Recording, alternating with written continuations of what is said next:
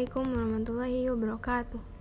Hai teman-teman semua Kembali lagi bersama Ana Rizka Skia Di podcast Rizka. Belajar bersama meraih ridhonya. Insya Allah pada kesempatan kali ini akan sedikit berba Ana akan sedikit berbagi tips sukses meraih ridho Allah di bulan Ramadan. Hari ini kita telah memasuki hari ketiga di bulan Syaban Yang artinya sekitar 26 hari lagi kita akan berhadapan dengan bulan Ramadan.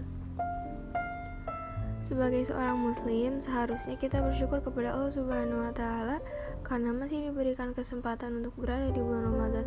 Sebab Ramadan merupakan bulan yang mulia di antara 12 bulan lainnya. Mengapa demikian?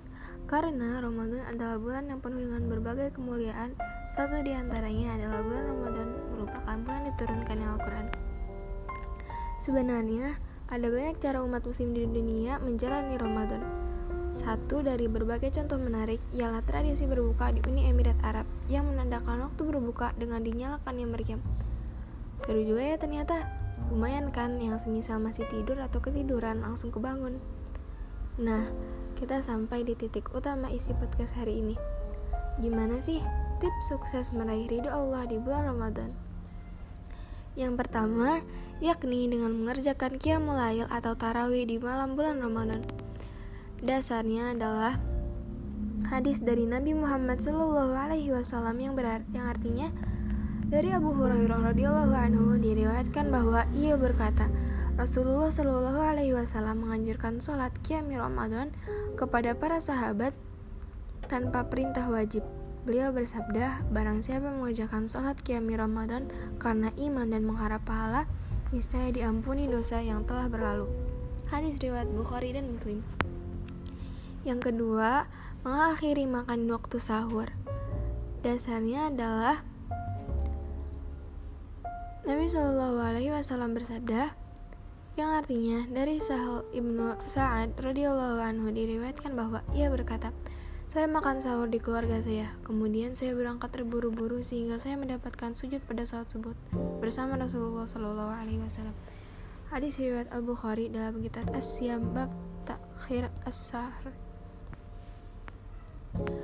Yang ketiga, menyegerakan berbuka sebelum sholat maghrib.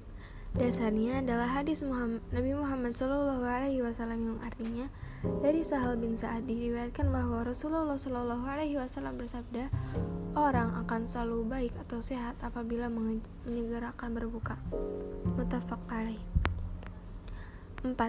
Berdoa ketika berbuka puasa dengan doa yang dituntun yang menunjukkan kepada rasa syukur kepada Allah Subhanahu wa taala. Misalnya doa zahabat zumahu wa batalat uruku wa thabatal ajru insyaallah. Hal ini diterangkan dalam hadis berikut yang artinya dari Ibnu Umar radhiyallahu anhu diriwayatkan bahwa ia berkata, apabila Rasulullah shallallahu alaihi wasallam beliau berdoa, Zahabat zumahu wa batallati umruku wa thabatal ajru insyaallah yang artinya hilangkanlah rasa hilangkanlah rasa haus dan basalah urat-urat badan dan insya Allah mendapatkan pahala. Hadis riwayat Abu Daud. Kelima, memperbanyak sodakoh dan mempelajari atau membaca Al-Quran. Artinya, dari Ibnu Abbas radhiyallahu anhu diriwayatkan bahwa ia berkata Rasulullah shallallahu alaihi wasallam adalah orang yang paling dermawan, apalagi pada bulan Ramadan ketika ditemui oleh malaikat Jibril pada setiap malam pada bulan Ramadan dan mengajaknya membaca dan belajar Al-Quran. Ketika menemui Jibril, Rasulullah akan lebih dermawan daripada angin yang ditiupkan. Mutafak alaih.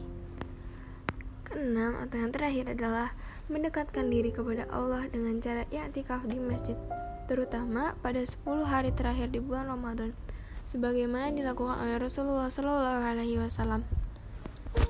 Dari Ibnu Umar radhiyallahu anhu diriwayatkan bahwa ia berkata, Rasulullah Shallallahu alaihi wasallam selalu beriktikaf pada 10 hari yang penghabisan di bulan Ramadan.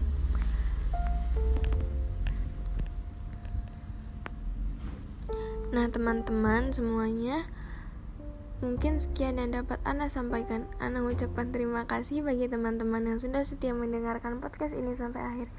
Insya Allah, kita akan berjumpa lagi di podcast berikutnya. Wassalamualaikum warahmatullahi wabarakatuh. See you next time.